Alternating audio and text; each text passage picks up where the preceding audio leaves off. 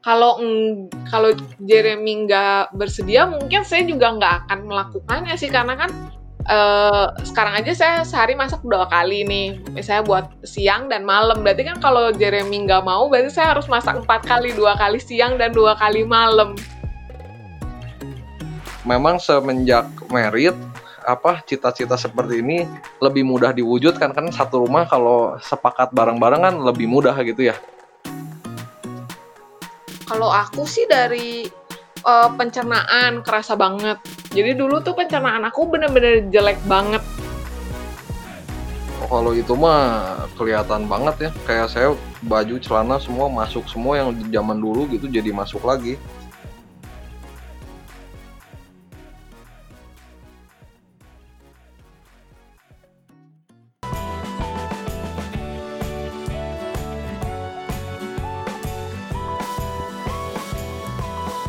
Hai, gue Willy Yonas.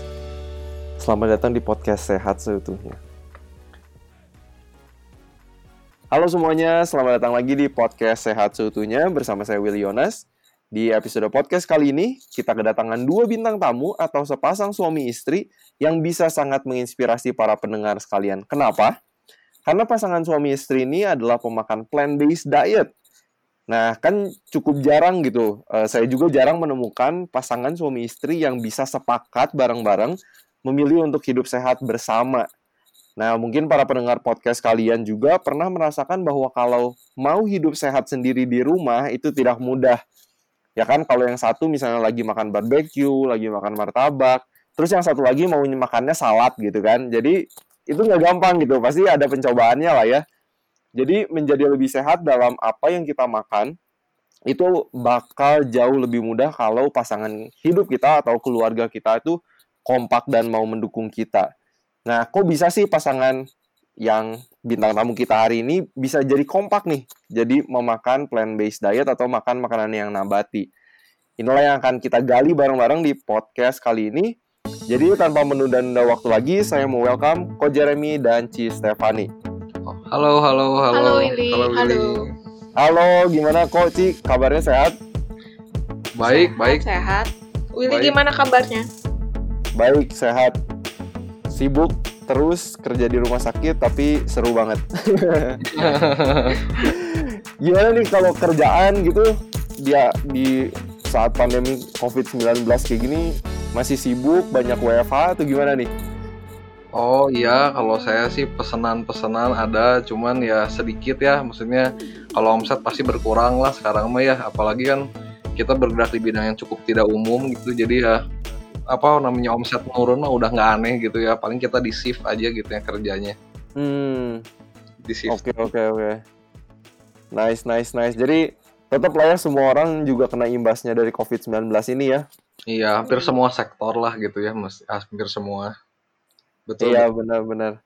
Ini thank you banget uh, atas uh, willingnessnya untuk sharing, untuk menginspirasi para pendengar podcast kalian. Nah ini aku menarik gitu. Mungkin pengen nanya uh, ke Ci Stefani dulu nih. Kok bisa sih suami istri jadi pemakan plant based? Jadi kan itu cukup jarang gitu loh. Gimana sih ceritanya? Siapa yang mulai duluan?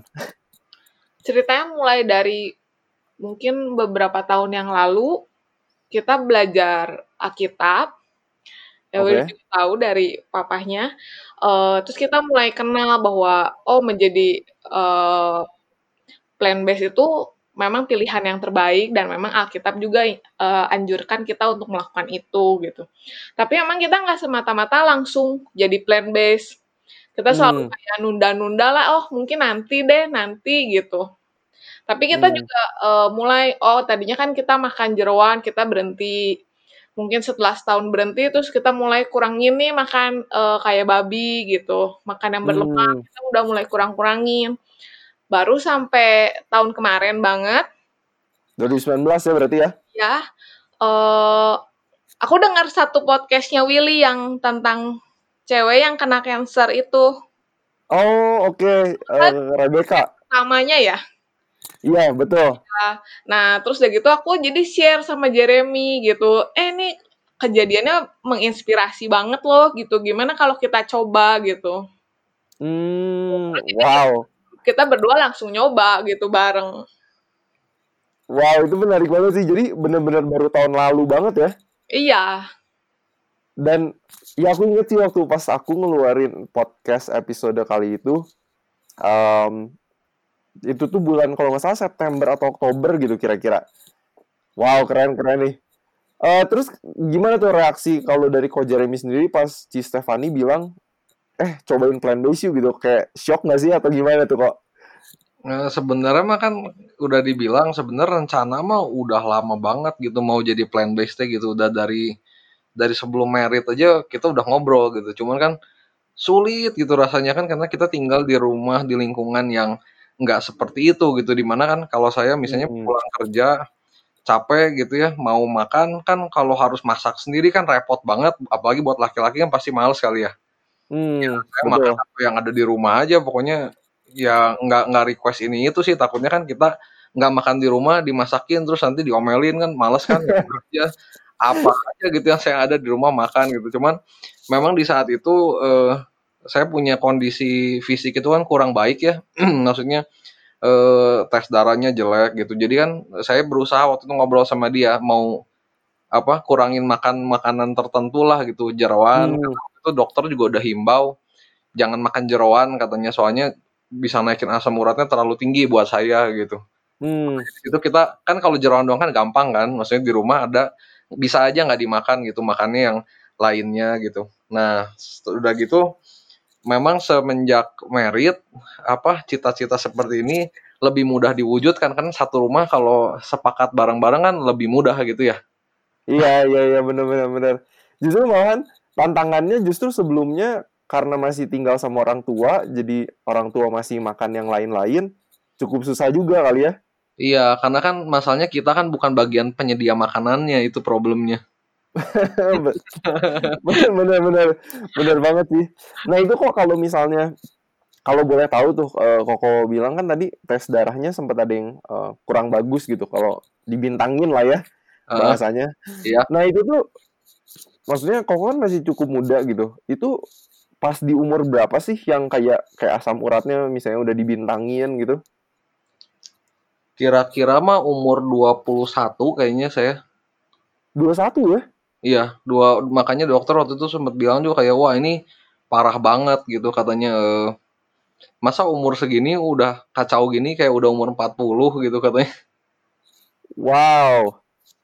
Wow, itu aku itu itu itu cukup mengagetkan juga sih tapi emang kalau aku ya aku baca-baca terus suka ketemu orang juga kan kayak di rumah sakit gitu emang yang menyedihkannya emang makin ke sini makin banyak orang yang kena kayak diabetes hipertensi itu makin muda gitu betul betul betul betul beberapa Dan kali saya ngobrol sama dokter pun emang seperti itu dia bilang mungkin pola hidupnya terlalu nggak sehat untuk zaman sekarang gitu ya sebenarnya generasi Z ini hmm. kayak kurang makin jelek sehingga kesehatan kondisinya juga turun ya kalau kita lihat mm, apa piramida umur manusia juga kan berkurang terus kan tiap tahun-tahun gitu kan.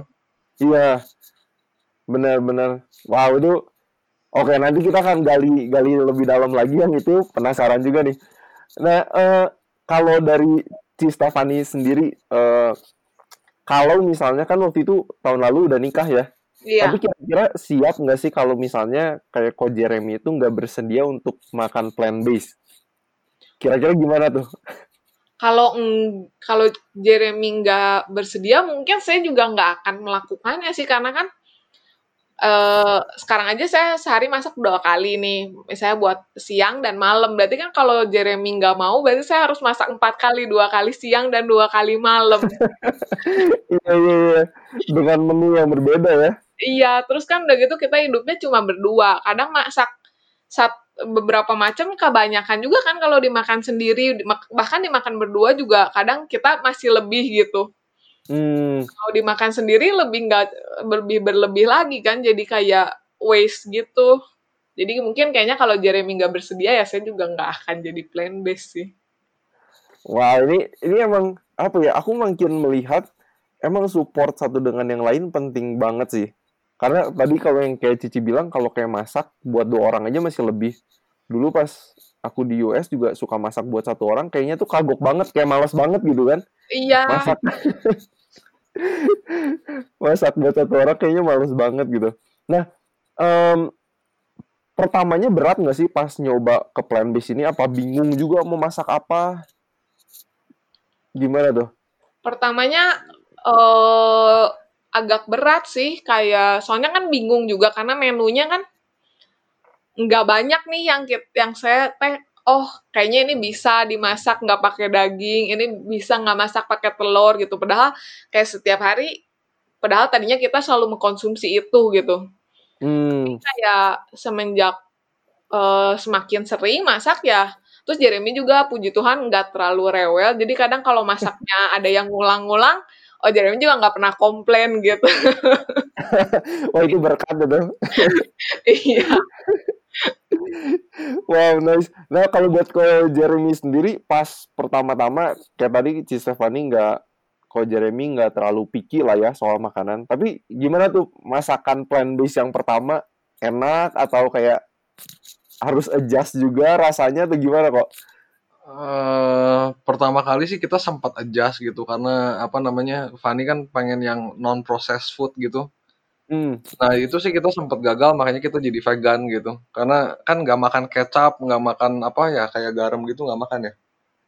Garam itu ada yang iya ada yang enggak. Nah yang non processed food itu sebenarnya saya juga berat banget sih waktu itu juga sempat ngomong wah ini makanannya kayak hambar semua ya rasanya gitu. Iya iya iya. iya. Jadi kita kendorin jadi vegan gitu. Hmm. Namanya berat. Cuman memang buat saya sih intinya buat saya nggak semud nggak sesulit buat Fanny karena buat saya mah yang penting makan mah kenyang gitu. Nggak rasanya ya nomor dua lah gitu. Iya iya iya dulu saya apa ini namanya dari saya zaman kuliah kan eh, paling gampang kan kalau makan McDonald ya karena kan hidup sendiri. Hmm. jadi saya kebiasaan dari kuliah itu setiap minggu saya pasti makan junk food. Nah yang itu yang aku agak berat gitu. Maksudnya bolong sih enggak cuma kepikiran gitu pengen makan McDonald kayak gitu. Wow sampai segitunya ya? Iya soalnya udah kebiasaan tiap minggu pasti makan gitu kayak menu favorit tiap minggu gitu. Wow wow wow. Jadi emang pas udah mutusin pengen coba plan based itu harus ya ditinggalin lah ya Oh ya iya kan itu mah bener-bener nggak sehat kan kalau ngomong soal kesehatan mah cuma karena udah terbiasa gitu tiap minggu makan yang kayak gitu gitu. Bener-bener. Nah ini udah kira-kira udah berapa bulan nih akhirnya jadi plant based ini? Kira-kira masih ada nggak sih rasa ingin makanan kayak McDonaldnya gitu? Uh, kalau buat saya mah nggak berapa ya karena setiap makan kita kenyang kan biasanya kita timbul hasrat untuk makan sesuatu karena kan kita lapar gitu kan malam-malam gitu kan, Betul. kan meal gitu tiba-tiba pengen beli yang gitu. Sementara ini kan kita makan jamnya juga jadi lebih teratur. Terus yang saya rasain sih tapi ini nggak tahu fakta atau bukan yang kita yang saya rasain kalau makan sayurnya banyak kenyangnya lebih awet gitu. Sehingga hmm. kita jarang apa ngemil tuh jadi jarang gitu. Tadinya sering banget cuma sekarang jadi jauh berkurang sekali gitu lah kalau ngemil tuh. Karena perut kerasanya penuh gitu kan makan sayur banyak Betul, betul. Itu seratnya emang banyak. Jadi nggak heran banget sih kalau kita kenyangnya juga lebih banyak gitu. Lebih lama, ya. Lebih lama, lebih lama. Nah itu itu yang keren sih. Soalnya kan kalau misalnya orang ya cepet kenyang, eh, nggak cepet lapar juga, uh, jadi jarang ngemil gitu kan. Uh, jadi betul, betul. kemungkinan ngemil makanan yang kayak keripik-keripik, yang kalorinya sebenarnya tinggi banget juga, berkurang gitu kemungkinannya. iya, iya memang, tapi kadang ya suka ada sih makan keripik tapi apa namanya? volumenya kalau buat saya bener-bener hampir hilang gitu. Dulu soalnya saya makan keripik gitu bisa hampir tiap hari lah bisa dibilang setiap hari pasti saya makan gitu. Wow. Nah, pengen tahu juga nih kayak pola makan Cici sama Koko sebelumnya kayak gimana sih? Apakah dulu tuh emang suka sayur atau dulunya nggak suka sayur? Terus sekarang jadi harus belajar suka atau gimana tuh? Kalau dari aku, aku bener-bener enggak suka sayur. Jadi kayak makanan aku tuh hariannya makan daging sapi gitu, makan seafood, makannya jarang bener, jarang sayur karena memang keluarga aku juga jarang ngajarin makan sayur gitu walaupun ya bisa kita makan sayur tapi hmm. kalau pergi ke restoran juga misalnya pesen beberapa macam belum tentu ada sayurnya. Mungkin kalau ada juga cuma satu macam gitu. Wow, jadi maksudnya kalau makan plant based diet kan itu drastis banget gitu. Kayaknya. Iya, tapi kan uh, ya sekarang mikirnya aku jadi lebih ke ya makan untuk kita lebih sehat, bukan kita hidup cuma untuk makan gitu. Jadi aku ngerubah mindset terus ke sekarang aku malah suka sih makan sayur, enak juga. Hmm. Nah ini yang ini yang kerennya dari lidah kita sih. Lidah kita itu sesuatu yang bisa diedukasi, dilatih ulang dari makanan yang kita nggak suka jadi suka karena dulu pas aku kecil juga papa uh, udah ngajarin makan sayur kan. Iya. Dan kalau misalnya dikasih selada tuh aku inget mentahan kan. Kalau papa sih seneng mentahan banget soalnya. Terus terus kayak dimasukin mulut nggak suka bilang ke papa kayak pah bentar ya mau ke kamar dulu. Udah gitu dibuang ke tong sampah. Aku sama segitunya gitu. Tapi kayak sekarang akhirnya makan selada nggak pakai salad dressing atau nggak pakai sambal atau nggak pakai apa pun pun bisa suka gitu. Oh, menarik menarik Nah kalau kayak uh, ko Jeremy sendiri gimana? Kalau dulu tuh emang suka sayur buah atau nggak suka juga kayak Ci Stefani? Kalau kita di rumah Hmm, kalau saya dulu di rumah saya setiap hari kita rata-rata makan sayur lah. Setiap kali makan tuh ada, cuman porsinya itu sedikit banget gitu. Misalnya beli apa sih kalau di supermarket tuh beli buncis satu apa satu plastik gitu. Ya itu sekeluarga cuman porsinya segitu gitu. Sisanya hmm. daging gitu. Jadi kita makan bagi-bagi aja gitu. Cuman kalau buat saya sih nggak terlampau masalah sih sebenarnya mau makan yang gimana. Cuman ya itu meninggalkan habit-habit untuk makan yang apa namanya yang saya suka banget itu kayak junk food yang kayak gitu yang susah. Karena kita hmm. biasa untuk apa kalau saya dari kecil makannya tuh banyak banget gitu kebiasaannya hmm. kayak gitu. Jadi kayak misalnya makan McDonald untuk makan malam gitu saya makan burger bisa lima gitu. Lima? Iya lima sama kentang goreng satu gitu. Memang saya makannya banyak wow. wow, wow. Ini, ini baru denger nih bisa makan lima burger dalam sekali makan. Iya, memang dulu dari dari kecil saya makannya banyak banget. Cuman permasalahannya tuh waktu saya kecil makannya sebanyak itu gitu. E, misalnya kayak makan Indomie waktu SD gitu bisa tiga empat gitu. Wow. SD gitu. Tapi kegiatannya banyak banget. Kayak saya di waktu saya SD sampai SMP, SMA tuh bisa dibilang saya tiap hari olahraga gitu. Jadi nggak nggak gendut gitu walaupun hmm. apa namanya makannya banyak banget. Karena olahraganya kalau saya dulu bisa futsal sehari tiga jam tiap hari gitu. Makanya wow. walaupun makannya banyak gitu. Problemnya kan habis lagi kuliah ya. Kuliah kan nggak nggak apa nggak olahraga olahraga kan. Begitu kuliah langsung itu tim berat badan loncat langsung. Hmm. wow wow wow. Nah ini mungkin um, lanjutin ke pertanyaan aku selanjutnya juga nih. Uh, setelah kuliah tuh koko uh, naik timbangan gitu, terus setelah misalnya sekarang jadi uh, makan plant based gitu, ada nggak sih perubahan da dari timbangannya kok? Oh, kalau itu mah kelihatan banget ya. Kayak saya baju celana semua masuk semua yang zaman dulu gitu jadi masuk lagi. Soalnya apa ya? Kan selama kuliah itu kan nggak e, nggak ada olahraga ya, cuma makan doang gitu makan hmm. babi terus gitu sama McDonald eh, lama-lama kan timbangan juga naik banget ya. Iya Saya, iya iya. Sebelum kuliah teh sekitar 70 something gitu. Terus begitu kuliah di sana pulang tuh udah 83 gitu. Hmm. Sekitar segitu bisa naik 10 kilo lah. Wow. Lumayan juga tuh. Kalau kalau sekarang berapa tuh kalau timbangan? Sekarang 70, sekarang 70,3 gitu, kadang 69, berapa ya kan nggak nentu ya. Tapi kurang jadi, lebih. Jadi bahkan udah balik lagi kayak dulu lagi berarti ya? Iya, iya. Tapi kan sekarang sebenarnya aktivitasnya belum apa olahraga kan kita juga belum terlalu banyak ya, minim. Hmm. Cuman karena cuman karena makanan doang turunnya bisa banyak kalau buat saya ya sampai berapa belas kilo, 13 kiloan buat saya mah. Wow. Itu keren sih keren banget keren banget. Pasti ya dengan penurunan berat badan juga kan pasti badan juga ngerasanya lebih enteng. Kayak lebih apa ya? Lebih gesit kali ya. Ya kalau buat saya mah karena kan dengan yang jadi masalah buat saya bukan masalah gesit gitu sih karena nggak banyak kegiatan fisik ya. Cuman hmm. e, lebih lebih gampang apa kena influenza gitu ya masuk angin pusing gitu, lebih sering gitu, lebih gampang karena kan mungkin imunitas tubuhnya buruk kali ya ke kegendutan terus kan banyak penyakit. Kayak gitu sih. Hmm. Wow. Nah ini selain dari penurunan berat badan, uh, ada lagi nggak yang dialami Ko Jeremy atau yang dialami Ci Stefani juga nih setelah makan plant based? Kalau aku sih dari uh, pencernaan kerasa banget. Jadi dulu tuh pencernaan aku bener-bener jelek banget. Kalau aku hmm. uh, eh, BAB itu kira-kira seminggu satu kali, dua kali lah. Dua kali juga udah banyak sih buat aku. Wow bahkan kalau lagi pergi liburan tuh aku bisa seminggu nggak BAB sama sekali. Wow, bisa gitu ya?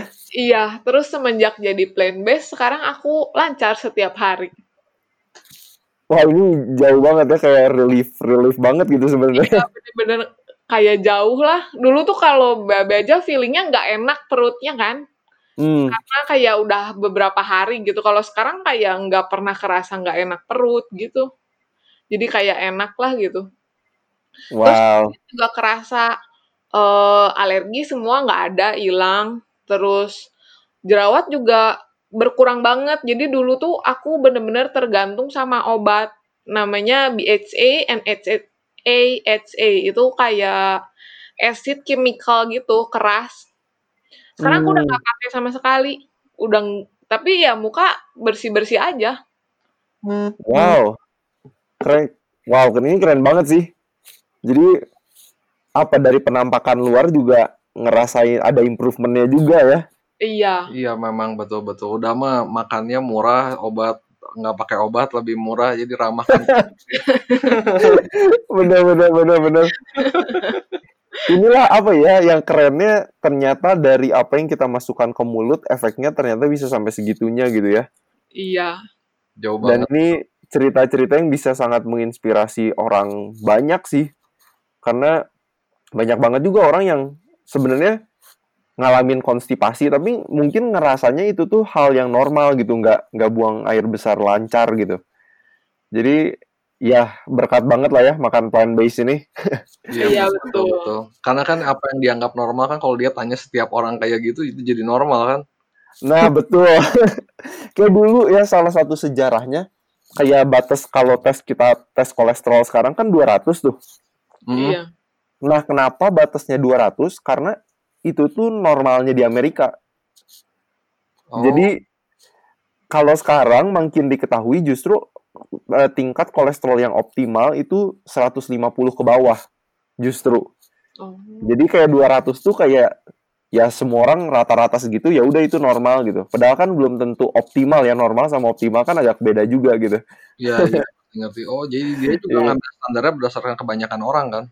Betul. Oh, iya iya ngerti-ngerti.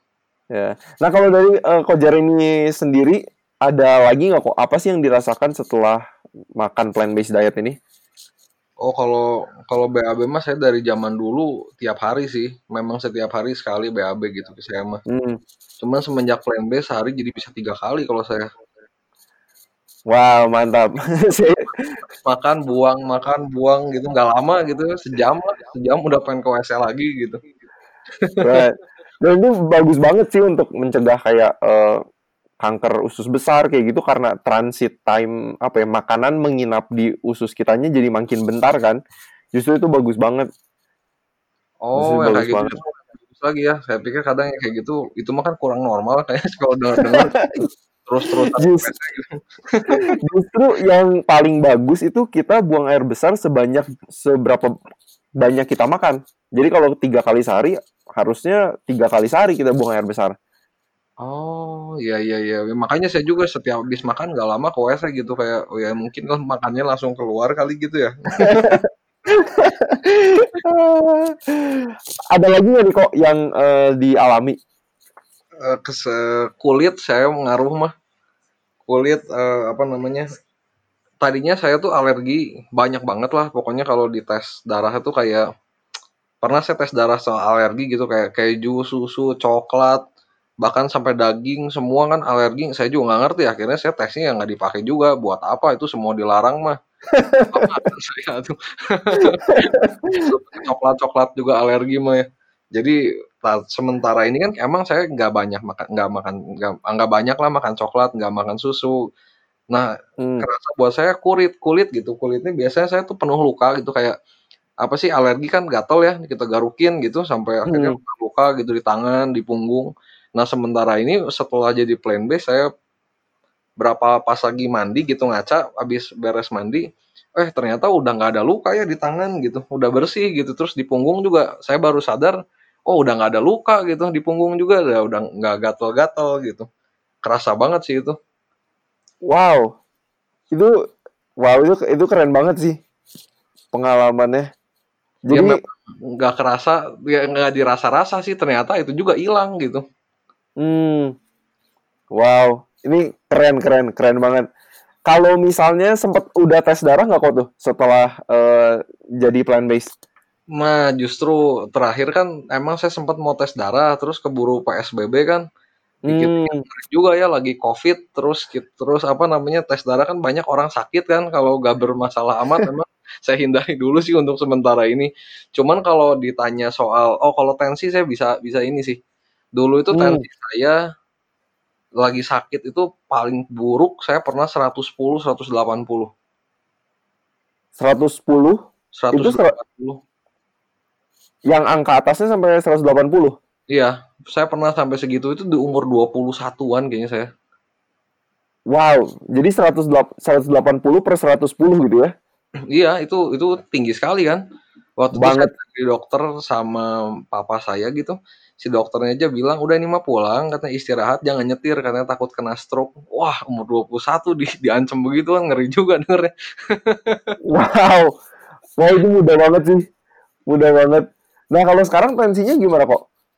Nah dulu saya tuh berobat tuh udah lama sebenarnya mah eh, dari semenjak umur 21 tuh saya berobat sampai umur sekitar 25 26 terus kebetulan dokternya sudah almarhum jadi saya terakhir sih nggak berobat. Cuma kan tensi kita punya alat di rumah kan. Iya. Dulu tuh saya kalau makan obat kurang lebih di 100 berapa ya? 90 per 100 440 per 90 itu tuh saya itu kalau, hmm, itu masih terhitung hipertensi juga gitu sebenarnya Iya, setelah makan obat juga masih tinggi gitu. Saya juga hmm. ngerti padahal obat tuh dosisnya saya pakai udah nggak kecil gitu. Hmm. Udah lumayan kalau, gitu. Kalau sekarang gimana tuh? Nah, terakhir saya juga kan udah nggak ngecek-ngecek terus iseng waktu kemarin hari saya lupa makan obat. Terus saya cek gitu. Waktu itu nggak makan obat. 81 per 130. Nah, setelah ini saya pikir-pikir kalau makan obat coba nanti kalau ditambah olahraga kalau tensinya udah di bawah sampai 80 saya mau berobat lagi sih. Apa saya perlu lepas nggak ini obat darah tinggi gitu? Hmm. di bawah normal kan nggak masuk akal ngapain saya makan obat gitu kan? Iya betul. Malah takutnya jadi terlalu rendah gitu kan? Uh, betul. Takutnya jadi jadi jadi jadi rendah tinggi kan juga jelek gitu. Iya iya iya iya. Wah tapi itu udah improvement yang cukup jauh sih Jauh jauh, itu itu jauh saya buat buat saya darah tinggi mah kerasanya dulu saya sering ya sakit kepala kayak kayak dalam pokoknya dalam dua minggu itu pastilah ada sekali mah atau lebih gitu sakit kepala gitu. Hmm. Di bagian belakang itu kan biasanya kalau darah darah tinggi kalau lagi naik itu kan tensinya suka pusing kan bagian belakang sakit. Nah, saya udah setahun ini kurang lebih saya baru pernah sekali sih kemarin nggak tahu kenapa eh, sakit kepala tapi selama setahun ini baru sekali gitu yang biasanya padahal dulu cukup sering gitu ya. Cukup sering ya kira-kira du dua minggu sekali mah adalah gitu. Wow itu improvementnya jauh banget sih. Jauh banget itu memang jauh sekali. Terus kayak apa namanya kayak eh, kalau kalau saya tuh dulu asam urat kalau tinggi kan kakinya suka bengkak ya. Heeh. sampai sakit susah jalan gitu. Memang sekarang saya belum pernah belum tes lagi sih sekarang ini. Cuman selama setahun ini saya belum pernah kaki bengkak lagi gitu Wow. Belum itu, pernah tahun itu belum pernah. Akhirnya gitu ya kayaknya setelah setelah lama mengalami itu akhirnya bisa nggak bengkak lagi kayaknya gimana kalau seneng banget gak sih? Ya, ya lumayan ya kan repot juga itu kalau bengkak kan pergi susah, nyetir sakit gitu kan. Jalan-jalan sakit kan itu merepotkan sekali gitu. Sementara ini udah nggak kerasa apa-apa ya. Buat saya senang juga gitu. Karena sebenarnya dulu waktu waktu pertama kali saya uh, tes darah itu gara-gara batuk nggak sembuh-sembuh akhirnya di check up check up semua gitu oh ternyata kan liver juga jelek gitu ya Hmm. normalnya 4 berapa 40 60 gitu hasil terjelek yang bisa saya cari di email itu 260 Wow, itu udah di di atas banget sih. ya udah empat kali lipat ada ya Iya. Wow, wow. Ini bener, aku penasaran banget eh, kalau nanti udah nggak COVID-19, kalau kayak Ko Jeremy tes darah, bakal penasaran banget gitu kayak improvementnya seberapa jauh. Seru nih kayaknya di untuk dilihat gitu. boleh boleh nanti kalau misalnya emang udah memungkinkan kita juga iseng sih saya juga mau tes darah gitu karena kan jelek banget dulu hasilnya cuman nyari yang terjelek itu buat saya agak sulit ya soalnya dulu saya tes darah bisa dua minggu sekali selama empat tahun jadi di Hmm. Bener-bener numpuk banget Wow. Wow, wow, wow. Ini ini penting juga sih karena eh, aku lihat kadang kalau di Indonesia orang-orang tuh belum terlalu punya kesadaran eh, medical check up rutin. Jadi kayak eh, apa ya? Kadang tuh sering kali udah terlalu parah baru ketahuan gitu. Sedangkan kalau kita rutin cek kan kalau udah ada indikator yang udah ada bintangnya, udah kayak on the way ke sebuah penyakit, udah ketahuan dini, kita bisa langsung cegah eh, sekarang gitu kan. betul betul, Jadi jadi aku lagi biasain juga aku kayak masih umur 20-an juga terus eh, ngecek darah sekarang setahun sekali sih. Ngebiasain diri juga. Iya iya ya. Dulu juga sebenarnya saya juga nggak ada kesadaran sih itu juga gara-gara gara-gara sakit nggak sembuh-sembuh dokternya bingung gitu dia bilang udah aja cek semua gitu pasti ngejeleger gitu. Iya iya iya iya iya. Wah ini keren banget. berarti waktu itu saya sakit batuk beruntung juga ya. Beruntung kalau tubuh kita tuh kasih si- sinyal gitu. Kalau ada something wrong. Oh iya betul betul waktu itu dokter sempat bilang sama saya tuh, hmm, wah ini ini ini dia bilang berbahaya gitu karena tensinya tinggi, eh, kolesterol tinggi, asam urat tinggi gitu, terus livernya buruk sekali nilainya gitu.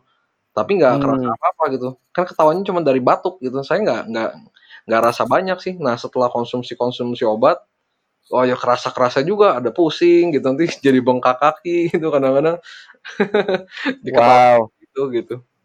Wow. Ini keren banget sih apa yang eh, dialami Ko Jeremy sama Ci Stefani dan saya benar-benar berharap juga buat para pendengar yang lagi dengar podcast kali ini juga eh, bakal terinspirasi. Cobain makan plant based. nggak tahu apakah kalian sudah merasakan sesuatu di tubuh kalian eh, sampai akhirnya ini juga bisa memotivasi kalian untuk mencoba makan plant based diet. Nah, pengen tanya nih ke Ci Stefani nih. Kalau sekarang eh, biasa masak masakan masakan apa aja sih Ci? Kalau sekarang paling masak banyaknya masakan Indonesia, kita bikin tumis-tumis sayur gitu. Hmm. Terus eh, atau bikin sop. Tapi eh, kadang kan bisa takut bosen juga. Jadi kadang kayak misalnya kita mau masak apa pun ya kita ganti substitut dari daging jadi eh, proteinnya daging kita ganti jadi protein hewani gitu. Hmm. Contohnya kayak misalnya lagi mau makan Korea nih gitu. Ya kita Mhm. kita coba aja bikin misalnya sundudu jjigae kita nggak pakai daging gitu. Atau kita mau Hmm. makan bibimbap kita jangan pakai dagingnya, kita isi sayur-sayuran aja gitu. Atau misalnya mau makan Thailand, misalnya mau makan tom yum, ya kita nggak pakai seafood gitu. Kita ganti pakai Hmm. tahu, pakai sayur gitu. Toh eh, yang penting kan sebenarnya kita feelingnya enak, ya jadi bisa makan gitu. Terus eh, lebih ak- aku semenjak denger juga yang Max Mandias dia bilang yang harus 40 jenis ya. Mhm, betul. Ya, jadi lebih fokus daripada masak apa, tapi lebih fokus ke eh, gimana cara bervariasinya gitu. Jadi aku lebih campur-campur jadi sekarang. Betul, betul. Ini keren sih, keren banget. Soalnya emang eh, diversity of plants atau macam-macam makanan nabati yang kita konsumsi penting juga karena ya itulah itu jadi makanannya bakteri-bakteri usus kita juga. Karena bagus sih kayak apa makan kita tuh sebenarnya kalau kita lagi makan makanan nabati sebenarnya kita tuh lagi kasih makan bakteri usus kita juga. Kita kan banyak peliharaan tuh di usus kan. banyak peliharaan. Nah, kalau sekarang nih, kalau kayak Cici sama Koko, eh, lagi ada acara keluarga, misalnya ada event, ada family gathering gitu kan, pasti kan ditanya juga nih karena udah nggak mau makan daging lagi gitu. Gimana tuh susah nggak tuh menjawab pertanyaan orang-orang dari teman-teman dari keluarga? Kalau ketemu kadang uh, mereka pasti mempertanyakan langsung kayak apalagi kan kita keturunannya Chinese mereka tuh merasa bahwa ada yang salah kalau kamu nggak makan babi ada yang salah kalau kamu nggak makan daging gitu kan. Iya iya iya iya. Iya jadi mereka selalu bertanya kayak dapat protein dari mana? Nanti sakit loh nanti kamu uh, keriputan nanti pasti selalu pertanyaan-pertanyaan seperti itu muncul gitu tapi ya kita jelasin aja ya kan kita bisa tetap dapat protein bahkan kita bisa dapat protein yang lebih banyak gitu bahkan vitamin hmm. yang kita dapat lebih komplit dari yang mereka makan juga gitu ya mereka pasti ya cuma kaget doang gitu I see. Uh, berhasil nggak tuh meyakinkan mereka kalau makan plant based diet itu sehat gitu? Yang paling mudah dipromosikan adalah kalau Ko Jeremy udah turun 12 kilo, semua orang pasti tertarik. wow, keren, keren, keren, keren. Tapi jadi udah biasa lah ya sekarang kalau dihadapkan dengan pertanyaan-pertanyaan seperti itu ya. Uh, iya sih, soalnya kan uh, aku pas mau jadi plan base juga aku sempat baca satu bukunya Dan Ornish ya yang Anduit jadi oh, aku, ya. nice. Terus aku juga nonton yang kayak game changer gitu-gitu. Jadi untuk nambah pengetahuan jadi kalau orang tanya ya aku kayak oh ini kayak gini loh gitu biar orang lain juga kalau mau coba aku masih bisa bantu lah menjelaskannya gitu benar-benar itu itu bagus banget sih buku kayak Anduit yang dari Dean Ornish terus dokumenter yang kayak Game Changers What the Health ada Forks Over Knives oh kalau saya mah apa uh, masalah family gathering mah kalau di keluarga saya agak berbeda. Kalau mereka sebenarnya mereka setuju cuman kan sulit gitu mereka lakuin itu gitu. Hmm. beberapa kayak paman saya gitu kan mereka suka tanya gitu kok kok tiba-tiba ekstrim gini nih? katanya. Mereka bilang sih bagus gitu. Ya bagus sih cuman sulitnya sulit sekali gitu katanya katanya. Ya, hmm. ya coba edukasi gitu. Tapi mereka rata-rata sih udah ngerti gitu bahwa makanan yang dimakan mempengaruhi ke kesehatan tubuh mereka ngerti sih cuma mereka susah aja gitu lakuinnya. Karena kan sekeluarga itu mempengaruhinya kalau udah isi lima kan susah. Kalau nanti keluar satu bayi kan dia kan ngikutin orang tuanya. Tapi kan kalau anaknya orang tuanya mau rubah kan sulit juga kan ngasih tahu orang tua itu kan nggak nggak mudah. Benar benar benar. Soalnya emang ya kayak gini perubahan kebiasaan ya susah juga kalau dipaksa gitu kan Iya memang memang. Kadang-kadang misalnya orang tuanya udah oke okay, tapi terus saya misalnya saya ngobrol sama paman saya gitu tapi anaknya nggak mau gitu kayak kalau nggak makan daging makannya sedikit gitu. Jadi ya hmm. bingung juga katanya sebagai orang tua kan bingung juga ya mesti gimana nih gitu. Betul betul betul. Kalau dulu yang eh, papa bikin aturan di rumah dulu tuh kalau di rumah kita vegetarian tapi kalau di luar terserah. Itu apa ya cukup cukup membantu sih paling enggak kalau kayak kita makan di rumah udah makan sehat terus pas aku ke sekolah aku lagi traveling terus kayak ya aku masih makan apa aja gitu kan. Tapi rules kayak gitu membantu sih memang memang. Cuman ya namanya orang anak-anak sekarang kan kadang maunya enak gitu ya. Banyak banyaknya maunya enak gitu. Nggak pikir panjang soal nantinya bagaimana gitu kan. Makanya lebih sulit dikasih tahu yang anak-anak sekarang rata-rata. Benar benar benar. Dan apa ya kadang aku juga melihat kalau uh, kita yang masih lebih muda uh, berani untuk melakukan perubahan memilih untuk makan plant based kadang ini pun menginspirasi orang tua gitu kadang karena kayak wah kok masih muda udah mau sih kayak nggak makan yang enak-enak gitu kan yang orang bilang um, tapi ya ini bisa memotivasi orang lain juga sih tanpa disadari Betul betul. Cuma kalau anak muda kan kadang-kadang mereka sekarang juga walaupun kayak seperti itu mereka juga kan teredukasi cukup banyak ya kan Google udah banyak. Yang masanya kan sekarang ilmu soal kesehatan kan datangnya nggak cuma dari plant based kan. Ada Betul. ilmu lain yang ngajarin bahwa ini juga sehat. Nah, masalahnya mereka pilih yang biasanya gitu. Mereka pilih yang menurut mereka lebih enak tapi juga sehat. Nah kan kadang sulit kita juga ya. Jadi semua ilmu kesehatan soal makanan. Kadang kalau ditambalin soal yang kayak gitu ya, kita juga ya oh ya udah yang kamu percaya ya lakukanlah itu gitu. Iya iya iya iya benar benar benar. Oke, ini thank you banget sharingnya dari Ko Jeremy sama Ci Stefani. Uh, aku pikir apa yang dibagiin akan sangat-sangat menginspirasi orang lain. Mungkin ada para pendengar yang misalnya oh saya uh, pengen hidup sehat tapi pasangan saya misalnya uh, belum mau belum tertarik atau bagaimana semoga cerita ini pengalamannya bisa menginspirasi uh, pendengar sekalian ada nggak nih pesan-pesan yang Ci Stefani dan Ko Jeremy pengen sampaikan buat para pendengar podcast kalian? Kalau pesan-pesan dari kita tuh kalau kalau sedang berjuang gitu mau di, di dalam keluarga sedang berjuang mau mencapai hidup sehat gitu memang kan susah kalau tiba-tiba mulai semuanya anak bapak ibu semua mulai berbarengan kadang-kadang sulit ya nggak maksudnya hmm.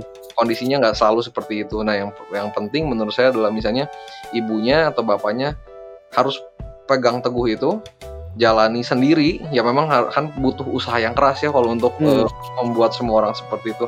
Buktikan sendiri nanti kan orang lihat misalnya oh yang ini kok si mama sehat banget ya dibanding si papa gitu. Tuh satu hmm. oh istri saya kok jadi rasanya nggak pernah sakit. Mungkin jadi tertarik cuman memang sulitnya kamu mesti berjalan sendiri. Kalau kalau di dalam sudah berkeluarga ya berjalan sendiri sampai lihat orang lain perubahan apa seperti kamu baru nanti mereka mau ikut gitu kan hmm. e, harus berusaha aja gitu perjuangannya akan lebih berat gitu benar kalau benar, benar. mencari pasangan hidup ya ya cari yang seiman gitu karena lebih mudah melakukannya nanti bareng-bareng di depan kalau seiman kan pandangannya hmm. sama gitu kalau pandangannya udah sama untuk masuk lebih mudah daripada nanti yang satu percaya plant based yang satu lagi percayanya apa misalnya makanin daging tapi tanpa karbohidrat kan bingung itu kan ketemu yeah, yeah, yeah. kalau yang muda yang masang, mencari pasangan hidup ya cari yang seiman yang sepadan gitu. Pasti nggak akan susah gitu untuk berubahnya nanti. Benar benar. Jadi ini buat para pendengar sekalian salah satu pesannya juga kalau lagi cari pasangan hidup cari juga yang yang pengen hidup sehat lah ya. Iya. Benar-benar penting gimana nih kalau dari Ci Stefani ada pesan-pesan sih? Ya kalau dari aku mungkin kalau pasangan hidup juga mau cari mungkin lebih baik kalau kita mau hidup sehat ya mulai dari diri kita sendiri. Kalau kita hidup sehat sendiri ya nanti juga menemukan pasangan yang bisa melihat kita gitu kan. Bahwa oh hmm. ini pasangannya hidup sehat ya jadi kalau yang nggak mau hidup sehat juga nggak cari kamu. Yang sehat. Tersaring dengan sendirinya gitu ya. Ah, bener bener bener bener Ya, yeah, thank you banget uh, Stefani, Ko Jeremy atas uh, pengalamannya yang sudah bersedia dibagikan buat para pendengar sekalian. Semoga para pendengar sekalian juga terinspirasi, termotivasi juga untuk terus hidup sehat, bisa menginfluence pasangan hidupnya, apakah calon pasangan hidupnya, bahkan keluarga kita sendiri, orang tua kita. Mungkin orang tua kita juga sudah lebih beresiko ter terhadap penyakit-penyakit seperti penyakit jantung, stroke, diabetes, hipertensi gitu kan. E, kalau kita bisa influence mereka pun itu adalah hal yang sangat baik. Jadi itu episode podcast kita kali ini. Harapan saya seperti biasa, semoga kita sehat seutuhnya.